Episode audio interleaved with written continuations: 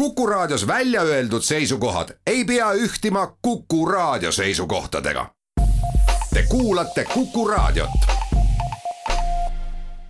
autotundi toetab Alexela. Alexela kodukaardiga kütus kuni miinus viis senti liitrilt. autotund. see on saade sulle, kui sul pole päris ükskõik, millise autoga sa sõidad tere kuulajad, Autotund on eetris, esimest korda mina, Tarmo Tähepõld, osalen eemalt, pean väikest puhkust, aga saadet tahan ikka teha. stuudios istub Martin Mets Geenius autoportaalist ja räägime uudiseid ja räägime autodest uudistest räägime jälle WRC-st. ja räägime sellest, et Eesti sai nüüd endale kõige suurema elektriautode laadimisala, mida see riik siin kunagi on üldse näinud. ja Volvod saavad kõvasti hakata varsti teeninduses käima. ja viimasel ajal on väga palju silma paistnud äh, halvas mõttes äh, jälle juhid, kes on päris kiiresti sõitnud, et äh, küsimus on, et kas nad on ka tegelikult kogu aeg olemas olnud või, või on nad kuidagi lihtsalt järsku väga palju kaamera silma ette jäänud. siis nendele, kes igatsevad vana Land Rover Defenderit, nendele on üks hea uudis. ja hea uudis on vist ka Eesti automüüjatele see, et äh, vaikselt see müük ikkagi liigub äh, ninaga ülespoole. ja saate teises pooles äh, räägime kahest autost põgusalt. Alfa Giulia uuenes ja Kiia X-Ceed tuli pisthübriidina. Nii, aga meie iganädalane, et mis siis automaailmas ka isiklikus plaanis toimub, siis ilmselt äh, ma hakkan rääkima seda iga suvi, kuniks seda keegi lõpuks ära ei muuda, on äh, see puhkusel auto rentimise valu. see on äh, täiesti kohutav.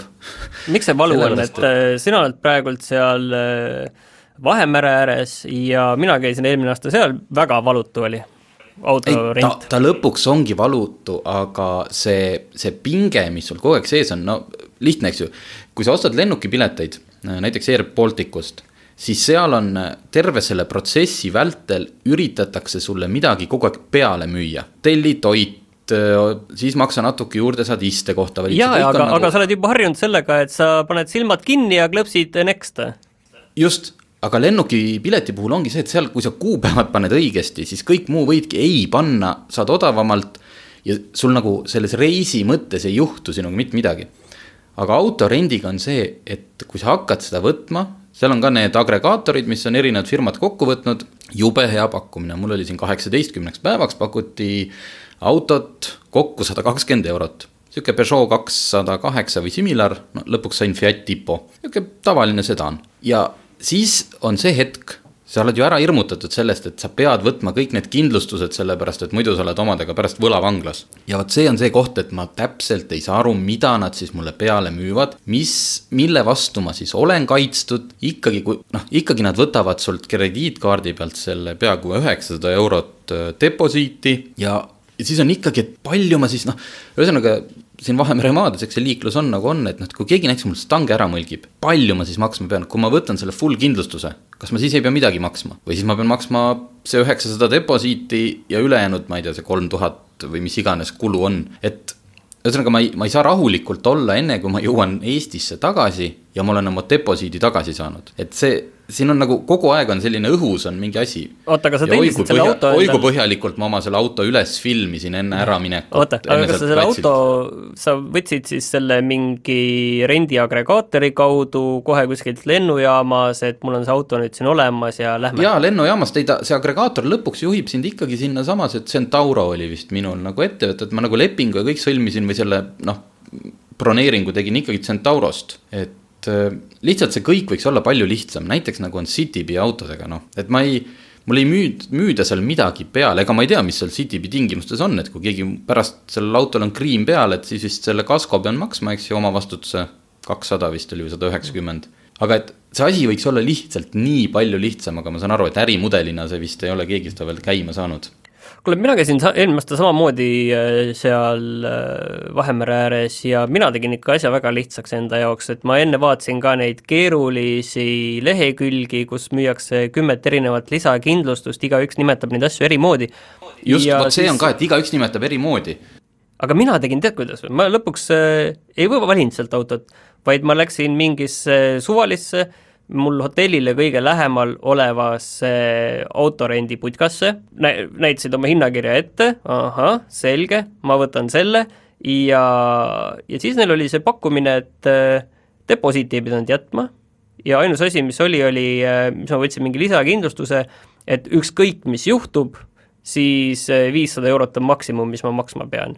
ja maksin seal mingi sada kaheksakümmend eurot selle viie päeva eest auto ära ja teadsin, et ükskõik, mis juhtub, viissada eurot. no vot, nii lihtne see peakski olema, võib-olla ma peaks ka, ma olin lihtsalt niisugune ettevaatlik, tahtsin, et mul oleks kohe ikkagi auto olemas, kuigi noh, seda hirmu ei ole hetkel siin turismiga, et noh, et kõik autod on juhuslikult välja laenutatud. ja eks see hind, noh, sada kakskümmend eurot äh, kaheksateist päeva eest ikkagi paneb ju silma särama. muidugi ma võtsin selle täiskindlustuse peale ja maksin kakssada kuuskümmend, aga mis noh, päeva lõpuks on ikkagi võrdlemisi odav aga ma ütlen, ma natukene kardan, et mis, mis must pärast saab. vot, aga. nii, ma loodetavasti oli midagi kasu nüüd see on nendele teiste eestlastele, kes äh, lähevad äh, sinna kuskile lõuna poole äh, sel suvel või siis Just. sügise poole. ja kui keegi, kui keegi teab kuskil siin Euroopa piires, kas on mõni startup või mingi äge lahendus autorendi jaoks juba tehtud, mis ei oleks selline nagu viimased kakskümmend aastat, siis andke meile teada ma arvan, et see on sektor, mis väga ei taha tegelikult uueneda, eriti seal lõuna pool. ma millegipärast kardan, et isegi kui need asjad on olemas, siis need ei lähe väga hästi seal lendu. ja ka sellega jõuame selle minu selle nädala tähelepaneku juurde, et Terminal Oil see nädal meil ühes Geeniuse intervjuus andis teada, et nad selle aasta jooksul teevad suure tankla Tallinnasse, Peterburi teele ning äh, langetavad sellega Tallinna kütusehinnad Lõuna-Eesti tasemele. et seal on pidevalt ju, vaata Lõuna-Eestis on kaks eri maailma, me oleme sellest rääkinud, et, äh, et seal on viis senti vähemalt kütused odavamad. ja minu äh, pakkumine on see, et, et kui nad teevad selle tankla siia Tallinna ja seal on ka odavamad hinnad, sest tegelikult sellest äh, ikkagi Tallinna üldine kütusehindade tase ei lange. ja mis see Lõuna-Eesti tase siis on, viis senti madalam? no viis senti või midagi sellist, äh, ta on ju pidevalt madalam, jah eks seal on see diisel on ka null koma kaheksaga alanud seal ka praegu. aga kas sa ei arva, et hakkab seesama, seesama see noh, nii-öelda nimetame seda jutumärkides hinnasõjaks, et äh, millest me oleme siin saatest saatesse rääkinud, et üks langetab viis senti nädalavahetuseks. jaa, aga kui sul on üks tankla Tallinnas, jaa, aga Tallinnas on tegelikult odavamaid tanklaid ka ju aega, ikkagi läbi aegade olnud, on äh, kas või need Krooningu tanklad ja nende hinnad on olnud ka odavamad ja see ei ole mõjutanud seda, mis on üldiselt. see on see, et äh, see Kroonik ja need väiksed, neil ei ole ilmselt seda jõudu, et pääseda pildile sellega, et nemad on nüüd odavamad või nemad nüüd langetasid, et see peab ikka mingi suur kett olema, keda kuidagi nagu usaldatakse rohkem ja viitsitakse minna sõitma. ei, asi ei ole isegi usalduses, asi on ikkagi selles katvuses. sul peab olema piisavalt suur katvus ja üks tankla siin, teine ühes Tallinna nurgas, teine tankla teises Tallinna nurgas, ma arvan, et see ei, see ei ole piisav. no selge, millal nad avavad? Äh, oli seal öeldud? ei olnud täpselt öeldud, aga, aga lubati, et äh, selle aasta jooksul. no loodame, eks see oleneb siis autojuhtidest ka, et kui terminal seda tõesti teeb ja me kõik seal äh, sabas seisame, siis äkki teised tulevad järgi.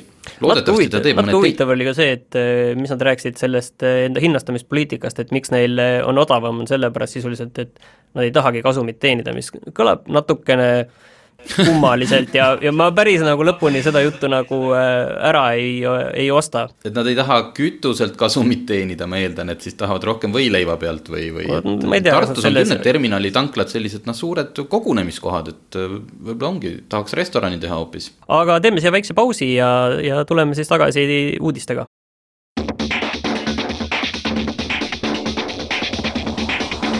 autotund see on saade sulle, kui sul pole päris ükskõik, millise autoga sa sõidad.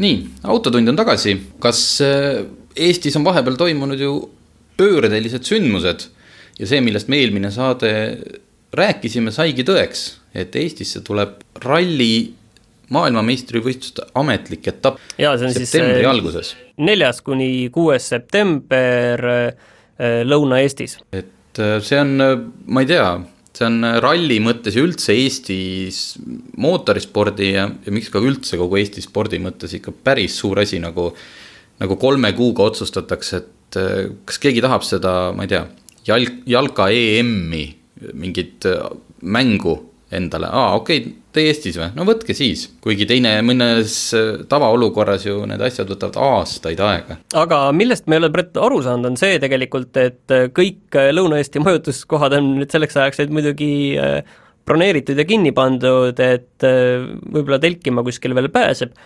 aga kuidas tegelikult inimesed sinna raja äärde pääsevad, see on minu jaoks natukene segane olnud, et mis reeglid, mis hajutatus, mis hulgal inimesi sinna lastakse, see on natuke segane. et siin on juba räägitud sellest, et oi, see on nii tore asi, kus seda koroonakriisi uut lainet on ju siin hoogu sisse saada ja see on uus siis Saaremaa äh, legendaarne võrkpallimatš, on ju, aga tegelikult, et mis need reeglid ja võimalused inimestel on, sellest ma tegelikult ei olegi aru saanud. no nii palju, kui mina olen rallit äh, põhiliselt telekast vaadanud, siis äh, kõige suurem äh, ma arvan, mure või siis kitsaskoht saab olema just näiteks Tartu linn, kus on see rallikeskus kus siis toimub avamine, lõpetamine, viimased finišid, et see, mis toimub metsa vahel, et seal äh, on see hajutatust ikka väga lihtne teha, esiteks on see vabas õhus, seal on äh, noh, nagu naljalt ikkagi sadu või tuhandeid inimesi üksteise kõrval, nagu noh, selles mõttes puntras ei seisa. Nad seisavad ilusti reas, sest et keegi ei taha ju kellegi taga olla, aga just, et äh, probleem mina näen Tartu linnas et nad nüüd harjutavad selleks just autovabaduse puiesteed, aga, aga kuidas see rahvas nagu linnas saada rahulikuks ja hajutatuks, vot see on küll küsimus. ja Tartus toimub siis selline totaalne muutumine, et autovaba see, see pannakse, autovaba puiestee pannakse juulis juba kinni või oli see üheks kuuks või oli kaheks?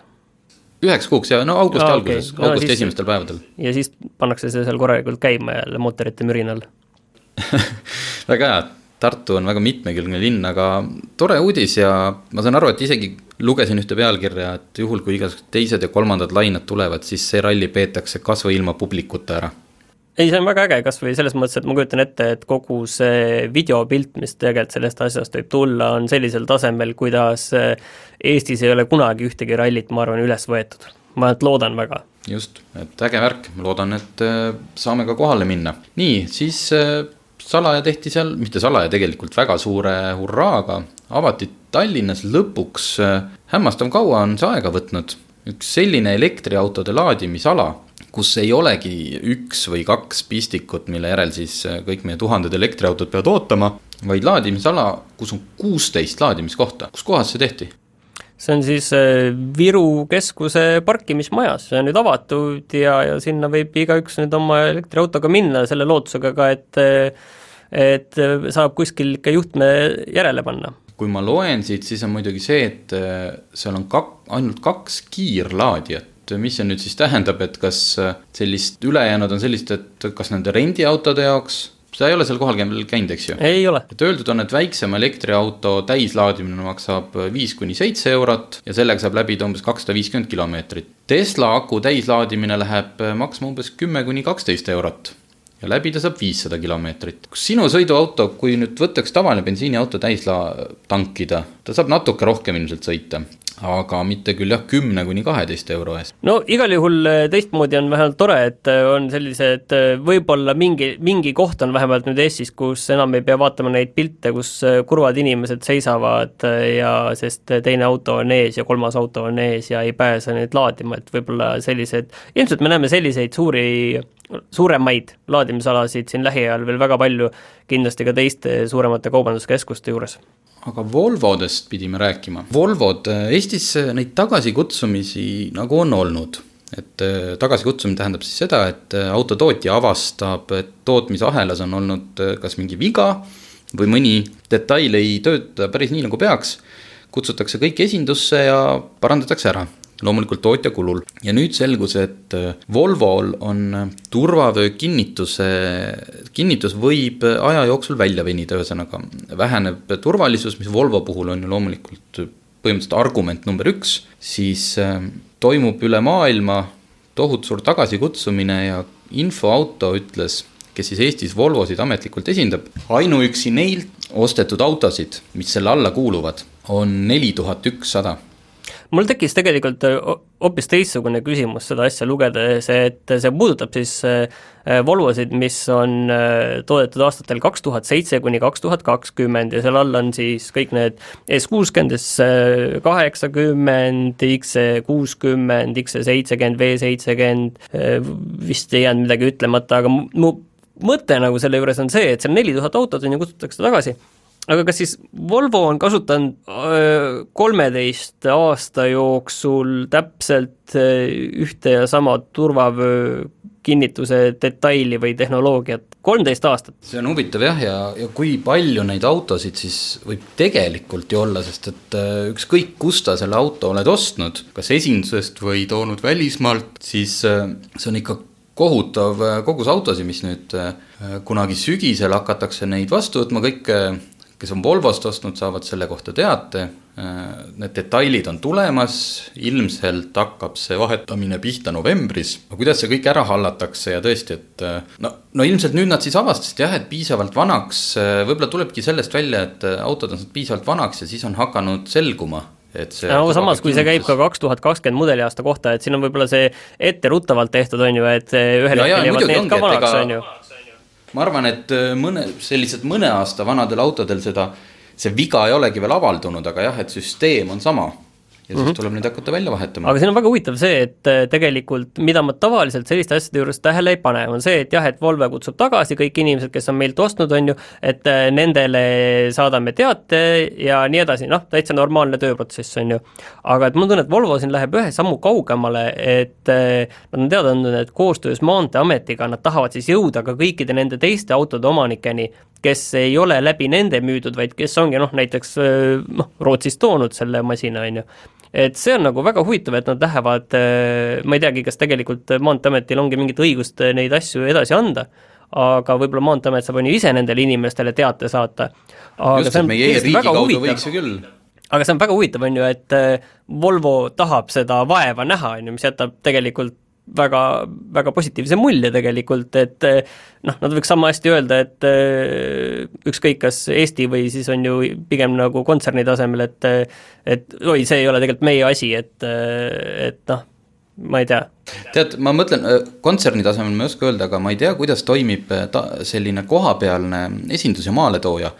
et kui tuleb tagasikutsumine, mille tegelikult ju maksab kinni tehas et äh, see on mul täiesti spekulatsioon, vabandust, infoauto, kui, kui see on, kui see ei ole nii, aga et äkki esindusel on võimalik ikkagi saada siit selles mõttes noh, kas nüüd just raha teenida, aga et ta töötajad või tal on kogu aeg töötunnid täis. et need töötunnid, mis ei ole kliendi poolt äh, tellitud mingit tööd, aga ta saab vähemalt teha selle nagu, esitada arve pärast, et mul oli, ma ei tea, kümme meest, kaks kuud vahetasid neid äh, turvaveotsi ja nemad saavad sealt oma nagu nii-öelda kulud kaetud.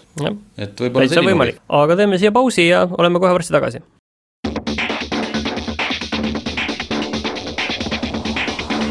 autotund. see on saade sulle, kui sul pole päris ükskõik, millise autoga sa sõidad. nii, Autotund tagasi räägime siis äh, kiirelt veel mõnest äh, uudisest, mida alguses lubasime, et äh, kihutamine on viimasel ajal Eestis moes. Või tegelikult on ta ilmselt alati olnud, aga kuidagi on viimasel ajal, kas on politsei tehnoloogia paranenud või on paranenud ikkagi see vana hea internet, et me saame, politsei ise jagab hästi palju selliseid videosid ja asju välja. Ja viimane kangelane oli üks roheliste lehtedega algaja juht, kes sõitis sada kaheksakümmend viis kilomeetrit tunnis ta tegi seda küll äh, neljarealisel teel, kui ma nüüd videost vaatan. jah, Narva maanteel. just, äh, ja ise ta väitis, et keegi istus tal õudselt sabas ja ta tahtis seest ära sõita, et noh, et oleks ohutum. aga ta vaesekene ei arvestanud, et politsei mitte lihtsalt ei võta kiirust, vaid äh, neil on kaamera, mis seda teeb. ja kui nüüd seda videot vaadata, siis no seal oli ikkagi väga raske on sellel tüübil ka peale seda video nägemist selgitada, et kuidas see ikkagi kõik oli, sest seal käib ikka korralik sõelumine ja väga-väga ohtlik äh, liiklemine. et see, see ei nagu... ole tühjal teel oma auto korraks proovimine, vaid ja see on nagu see, et, et kui sa, kui, et julged teha, siis julge ka lihtsalt ikkagi tunnistada. aga siin tegelikult oli üks väga huvitav asi veel, kui äh, Äh, seal, ähm, äh, see oli vist Jõhvis, oli, peeti kinni üks äh, mootorrattur, kelle puhul kasutati sedasama võtet, et natukene müksati seda mootorratturit ja üllataval kombel võrreldes selle paari aasta tagumise juhtumiga, mis meil siin Tallinnas oli, kus ühel ringil samamoodi üks mootorrattur eest ära sõitis ja ja teda natuke müksati, millest tuli päris suur skandaal, on ju, et kas politsei võib seda teha, et seada niiviisi jah, küll kiiruseületajast, aga samas vähekaitstud mootorratturi äh, niiviisi ohtu, et sellest tekkis suur skandaal, et seekord see läks nagu väga vaikselt, kuna sellepärast, et vist see mootorrattur ei saanud ka erilisi vigastusi, et läks väga õnnelikult. aga kas sulle ka tundub, et noh, mina elan ju ainult põhimõtteliselt oma auto ja liiklusuudiste mullis Äh, sina pead natuke laiemalt vaatama siin kõiki, kõiki geeniuse ja asju. kas sulle ka tundub, et viimasel ajal kas kihutatakse palju või lihtsalt neid, seda infot on nii palju meedias? ma, mul on tunne, et siin oma osa on tegelikult politseil, kes äh, kõiki neid liiklusvideoid, kui sa vaatad kas või mis õhtul äh, teleuudistesse jõuavad, et kuskil on tehtud selline otsus, et neid kõiki videoid palju ka äh, kergekäelisemalt nii meediale jagada, kui, äh, kui noh, väga mitmed jõuavad lihtsalt, noh, politsei paneb seal need ise sotsiaalmeediasse, kus need jõuavad ka meediasse, et politsei on kuskil ise võtnud vastu otsuse, et äh, me lihtsalt jagame neid äh, avalikumalt ja agaramalt ja ilmselt seal taga on mingi kaalutlus, et see kõik peaks kuidagi liiklusele ikkagi positiivselt mõjuma. ja ma pean tunnistama, minule küll mõjub, mulle tekib tunne, et põhimõtteliselt igal pool on keegi kaameraga minu käitumist. vot ma arvan, et see ongi see üks asi, et äh, mida rohkem sa neid videosid jagad, seda rohkem isegi kui see pooled nendest videodest teeb üks patrull ühe kaameraga, on ju, siis tekib tunne, et need äh, kaamerad, jälgitavus, politsei nähtavus on tegelikult võib-olla suurem isegi, kui see tegelikult on kui, eriti kui selliseid noh, markantseid nä-, juhtumeid välja tuua, et ma isegi ei imesta, et äh, politsei lihtsalt ei pane üles selliseid, kus saja kümne alas keegi on sõitnud saja kahekümnega ja lihtsalt ongi selline lakooniline tekst, et näed, järjekordne tavaline kiiruseületaja, et just, äh, ma vist annan politseile häid ideid, et, äh, et tuua näite, et näed, et me tegeleme ka nendega, me filmime ka neid, on ju, et nad toovad hästi palju neid äh, ekstreemseid näiteid, nagu see saja kaheksakümne viiega autode vahel sõeluv tüüp oli, aga selliseid tavalisi, ma arvan, et see on veel jah, neil üks võimalus, mida kasutada. nii, aga veel autouudist, kui nüüd juba on muuseas Eestisse jõudnud uus Land Rover Defender, kes tahab, minge vaatama, meie teeme omad sõidud ilmselt augustis, siis kui tuleb pressidemo auto aga need, kes ikkagi ihalevad vana Defenderit ja ei ole selle uue tehnoloogia kõigega üldse nõus. enne, enne nüüd ütle, et eh, mis seal siis uues on, millega nagu need vanad fännid nõus ei ole? kas jälle on liiga palju tehnoloogiat või milles on asi? seda nagunii ja vanad, vanad fännid ei ole tavaliselt eriti millegiga nõus, aga põhimõtteliselt jah, et juba see, et seal autos on hästi palju puutetundlikke ekraane ja elektroonikat, kuigi tegelikult on see auto saanud äh, välismeedias juba väga palju kiita, ma, ma rohkem ei oska praegult või isegi ei taha öelda aga nüüd on üks automark, õigemini näidati pilte, mille nimi on Ineos Grenadier, mis muidu võiks olla üks järjekordne selline väike tootja, kes lihtsalt hakkab klopsima põhimõtteliselt Defenderi, vana Defenderi sarnast maasturit, aga tegelikult on seal taga märksa suurem plaan. suurus tuleb välja juba sellest, et selle auto nii-öelda loomise taga on, peaks olema Inglismaa kõige rikkam eraisik, kes kannab loomulikult Surrey tiitlit ehk siis aadlik või noh, see rüütli, äh, Sir Jim Ratcliffe, kellele kuulub üks hästi suur äh, naftakeemiatööstus ja tema tegelikult aastal kaks tuhat kuusteist, kui anti teada, et äh, vana Defender läheb müügist maha, tahtis ära osta Jaguar Land Roveri grupilt neid seadmeid, et väikses vormis Defenderi tootmist jätkata. Ja talle ei müüdud seda loomulikult, noh ilmselt sest see on ajalooline ja mis iganes äh, brändi väärtus. aga mis siis äh, Jim Ratcliffe tegi, et äh, otsustas hakata ise tootma. pani kokku väga tugeva tiimi, teeb koostööd ka Magna Steyriga Austriast, mis on üks, ütleme siis autotootmisettevõte, kust paljud autofirmad saavad oma tehnoloogiaid. ja on valmis teinud nüüd esimese versiooni põhimõtteliselt sama võimekast ja sama nagu suunitlusega autost nagu eelmine Defender. see näeb välja sarnane, aga ei ole loomulikult üritatud kopeerida, et tema eesmärk ei olnud eh, niivõrd teha vana Defenderit, kuivõrd eh, lihtsalt väga head ja maastikule suunatud sõidukit aga Ilma samas selle... nad ju turundavad seda kui äh, vana, vana head Defenderit. no see on lihtsalt, sulle antakse selline turundusvõimalus kätte, sest ega kuigi ta on küll Inglismaa rikkam inimene, ega ma arvan, et ta ei taha selle, selle nagu äriga päris kahjumisse ka minna. arvatakse, et selleks, et see äri oleks kasumlik, äh, peaks neid tootma aastas umbes kakskümmend viis tuhat ja selle hind hakkab olema kuskil viiekümne tuhande euro juures ja muus osas, no kes teab, Defenderite traamile ehitatud täiesti selline noh, ülivõimas asi maastiku mõttes. aga näis, et äh, nüüd seda näidati küll esimest korda, aga müüki jõuab ta küll alles äh, umbes kaheksateist kuu pärast. nojah, et see on jälle selline tore unistuste müümine, mida siin äh, aeg-ajalt sellised inimesed teevad. ei, vot sellesse mul on usku, sellepärast et esiteks on seal taga väga palju raha ja teiseks on sellega juba väga kaugele jõutud, see tiim, mis kokku on pandud, need koostööd, see kõik äh, põhimõtteliselt ehitatakse tehast, et äh, see ei ole selline. ehitatakse tehast, nii et neil läheb ikka jah, kaheksateist kuud on väga optimistlik, pluss mis see, mis see autode kogus seal ol, olema hakkab, nii et no ma olen, ma olen skeptiline. no selge, nii ja saabusid ka värsked Eesti automüügi tulemused ja väike tõus on jälle toimunud. no kui me võtame eelmise aasta juuni ja selle aasta juuni, siis müük on ikkagi veerandi võrra väiksem, aga ta on ikkagi tõusnud kordades võrreldes aprilli ja maiga. jah, et juunis müüdi tuhat kuussada uut sõidukit, mis on sõiduautot. sõiduautot, just nimelt, eraldi on veel tarbesõidukid ja kokku on see aasta müüdud üheksa tuhat ükssada autot, mis on no kokkuvõttes ikkagi veel kolmkümmend neli koma viis protsenti vähem võrreldes eelmise aastaga. aga Amteli tegevjuht Arno Sillat kommenteeris, et, et hetkel muuseas, kusjuures mina arvan, et see on vastupidi, aga hetkel veab müüki hoopis eraisik ja ettevõtted on oma parkide laiendamist ja uuendamist osas tagasihoidlikud, mis on iseenesest loogiline. see on aga..., see on väga, see on vastupidi just väga loogiline, et ettevõtted võtavad väga rahulikult, nad vaatavad, et ei tea, mis siin sügisel saab ja pigem kui täna ei pea ostma uusi autosid või endal seda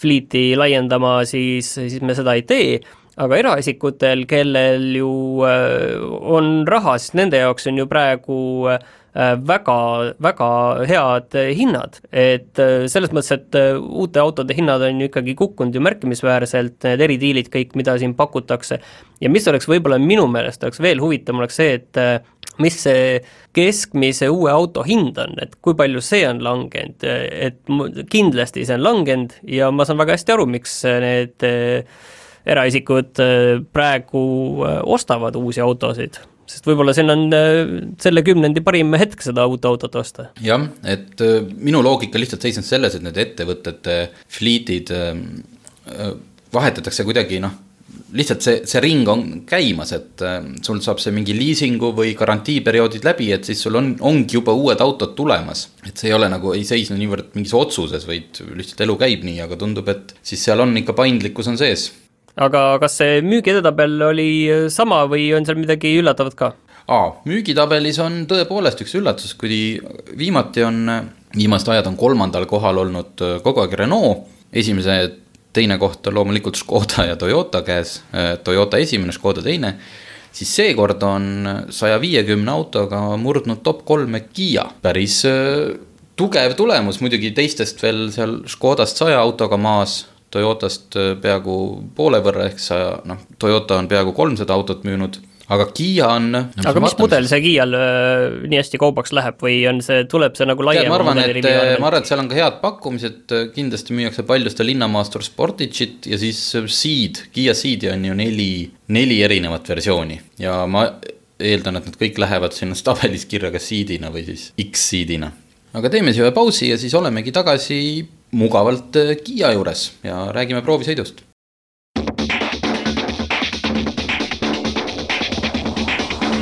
autotund.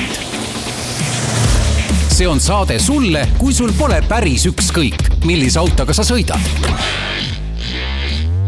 nii, Autotund tagasi oma viimase veerandiga ja eelmise saate osa lõpetasime müügitulemustega, kus nägi, näitas häid äh, tulemusi Kiia ja siis äh, jätkame Kiia proovisõiduga, milleks oli Kiia Exceed pistik hübriid, mis äh, hiljuti Eestisse jõudis. sain täitsa esimesena jaole, nii et ma sõitsin autoga, mis oli läbinud selleks hetkeks täpselt kuus kilomeetrit. ütleme, uue auto lõhn oli väga tugevalt sees. Kiia Exceed, kes nüüd ei tea, on väike linnamaastur, tegelikult no no okei okay,, maastur selles mõttes, et tal on äh, teatud äh, põhjakõrgus, siis see, et selles mõttes sa istud autosse natuke teistmoodi.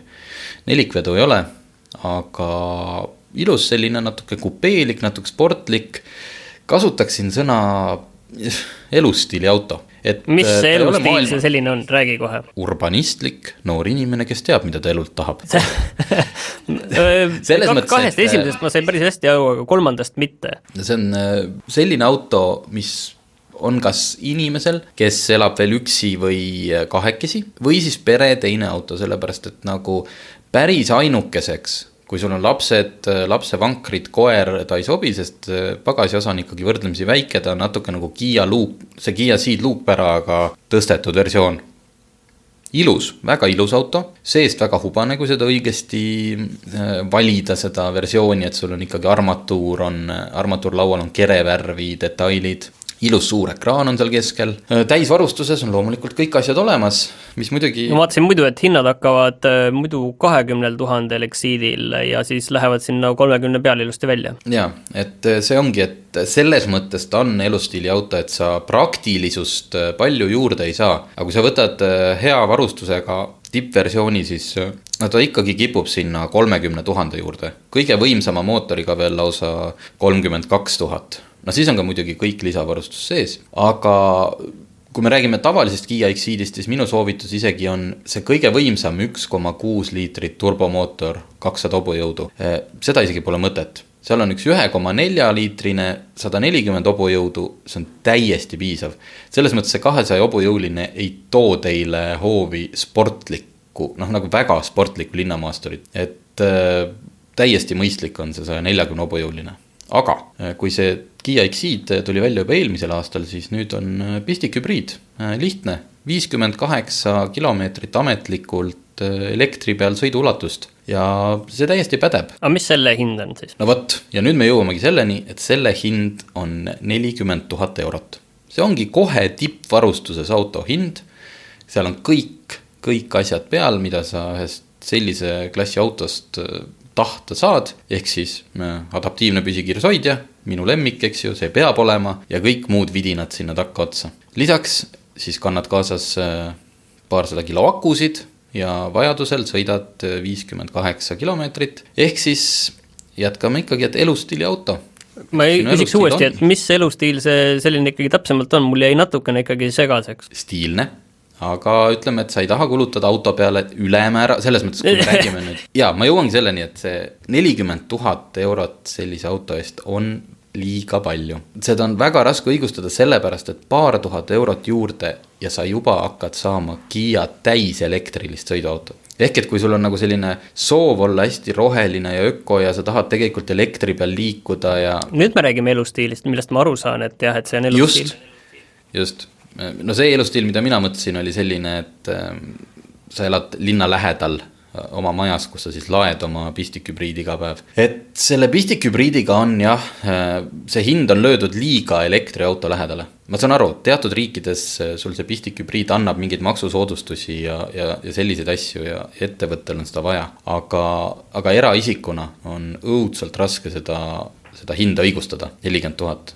et me teame, et on ka ju elektriautosid, näiteks noh, ma ei tea, Peugeot kakssada kaheksa, Peugeot kaks tuhat kaheksa, mida sa saad selle raha eest juba täiselektrilisena. et natukene kummalisse kohta on selle Exceedi pistikhübriidi hind kukkunud. sõidab hästi, ilus auto, rikkalikult varustatud, aga mina ei suuda seda neljakümmet tuhandet õigustada.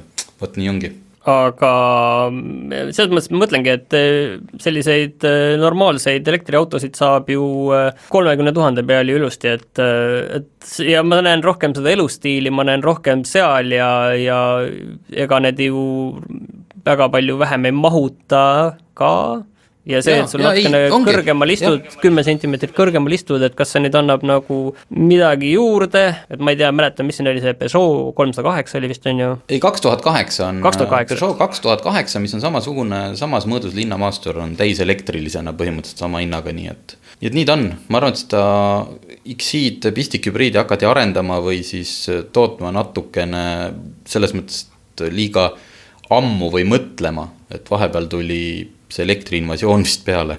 kas ma nüüd saan nagu õigesti aru, et sa ütleksid, et äh, pigem nagu ei? jaa, ma oma arust olen seda väga selgelt nagu välja öelnud, et, et seda hinda on väga raske minul õigustada. kui me räägime autost, siis on ta muidugi hea auto, aga võtke siis, siis ma soovitan ikkagi võtta tavaline bensukas Kiia X-i-d hoiate peaaegu kümme tuhat eurot kokku ja, ja ma ei tea, mis te selle eest siis teete.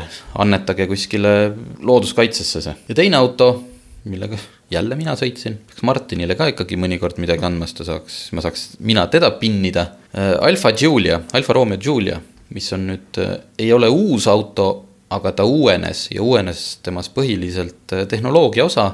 ehk siis kogu see meediasüsteem, mis oli algusest peale juba välja tulles Alfal kõige nõrgem koht. põhjuseks jälle võis ilmselt olla see, et seda uut Alfa Romeo Giuliat arendati lihtsalt nii pikalt, teda kogu aeg lükati edasi, et kui ülejäänud auto põhimõtteliselt ei vanane nii kiiresti, siis kui Giulia välja tuli, siis oli ta juba nagu natukene vananenud äh, selle meediasüsteemiga. Ja et kui see, kui juba kolmteist aastat seda turvavöö kinnitust kannatab hoida, siis ma kujutan ette, et neid asju, mida kannatab hoida tükk aega auto juures, neid on äh, kindlasti jah, et Julia pole ilmselt hea näide, aga muidu üldiselt. just, ja noh, see tehnika lihtsalt paistab nii silma, et selles mõttes, seal nagu otseselt midagi puudu ei olnud, aga vaata, kui inimene ostab sellise ikkagi premium-klassi auto, et ta tõesti ongi nii seikluslik, et ta läheb, vaatab BMW kolmandat seeriat ja siis läheb, vaatab Alfa Juliet ja siis ta noh, ta näeb, et teda on natuke nagu noh, natuke nagu tõmmatud või et see pole ju päris see et kus on minu hiiglaslik ekraan ja, ja tohutu graafika. Õnneks äh, uuenenud Julial on see ekraan suurem ja õnneks muuseas ma ütlen ei ole seal mindud sellist tohutut äh, kirjut kärts-mürts teed, vaid see disain ja graafik on jäänud samaks, see kõik on lihtsalt äh, natuke suurem, natuke teravam, rohkem valikuid, aga, aga õudselt kihvt on see, et kui sa selle näiteks ekraani välja lülitad sõidu ajal, siis sul ees on selline must matt pind nagu, nagu seda ekraani ei olekski, ta on erinevalt mitmetest teistest autofirmadest, ta on ilusti armatuurlauda mm, disaini et ühesõnaga tehti suur uuendus, mille sa saad tegelikult ära peita. no ikka, see on enamike ekraanide põhiosa, et sa saaksid selle kinni panna, et ta ei segaks sind. ühesõnaga tehnoloogia osas äh, tehti oluline asi, natuke parandati interi-, interjööri kvaliteeti, mootorid, kõik jäi samaks. kuna me Juliast siin saates, äh, õigemini kui me eelmine kord Juliaga sõitsime, siis ei olnud veel autotunni saadet olemas, siis auto ise ma võin teile öelda, et ma ei, ei oleks alati siin selline tohutu alfa fännboi, siis nüüd, kui ma sellega sõitsin, tuli mulle meelde, et ta ei ole maailma kõige praktilisem. vähemalt siis, kui ma avasin selle näiteks pagasiruumi luugi, siis ma sain aru, et ohoh, see on ikka korralik sportsedaan. see, see luugi ava on väike ja see pagas, pagasiruum on väike. nii et äh, mul ei olnud kõrvale kohe võtta seal näiteks äh, Audi või BMW sedaani, aga mulle tundub, et ma, ma ei, ma ei pane huupi, kui ma ütlen, et äh, need kaks mainitud sakslast on kindlasti praktilisemad. aga muus osas muidugi Alfa tõmbab ikka väga palju pilke, eriti kui ta on erksinine ja ja ikka täiesti, täiesti linnapildis erinev, sõidab väga hästi, eriti hästi sõidab ta siis, kui kasutada launch control'i, mis viib selle auto nullist sajani umbes viie sekundiga kakssada kaheksakümmend hobujõudu ja see kõik tuleb sinuni umbes viie kuni kuuekümne tuhande euro eest. see on nüüd siis see kiirem Veloce mudel, tegelikult Julia hinnad algavad natuke alla neljakümne tuhande, kus sa saad kahesaja hobujõulise. nii, ma saan aru, et siin see hind läheb läbi ja tuleb jah, jah? no ikka tuleb jah, selles mõttes, kui teda hakata võrdlema oma konkurentidega, sarnase mootoriga BMW, Audi või Mercedes, siis pigem jääb ta odavamasse otsa, samas ta on hästi suunatudki just sellise pigem sõidu ja sõidurõõmu peale, et seal seda bling-blingi on äh, palju vähem kui nendes eelnevates, mis tegelikult on päris äge. ja mis äge on see, et tal ei ole, tähendab, see ekraan on puutetundlik, aga samamoodi nagu Mercedeses saad sa seda juhtida sellise rattakesega. ehk et su ekraanil ei teki sõrmejälgi, kui sa tublisti käitud, vot aga meie saateaeg vist on täis nüüd, Ja. näitab mulle siin taimer. loodame, et see helikvaliteet ei olnud väga hull, järgmise saate me teeme ka veel siit niimoodi, mina teen eemalt ja siis olen juba tagasi stuudios, aga tänud kuulamast.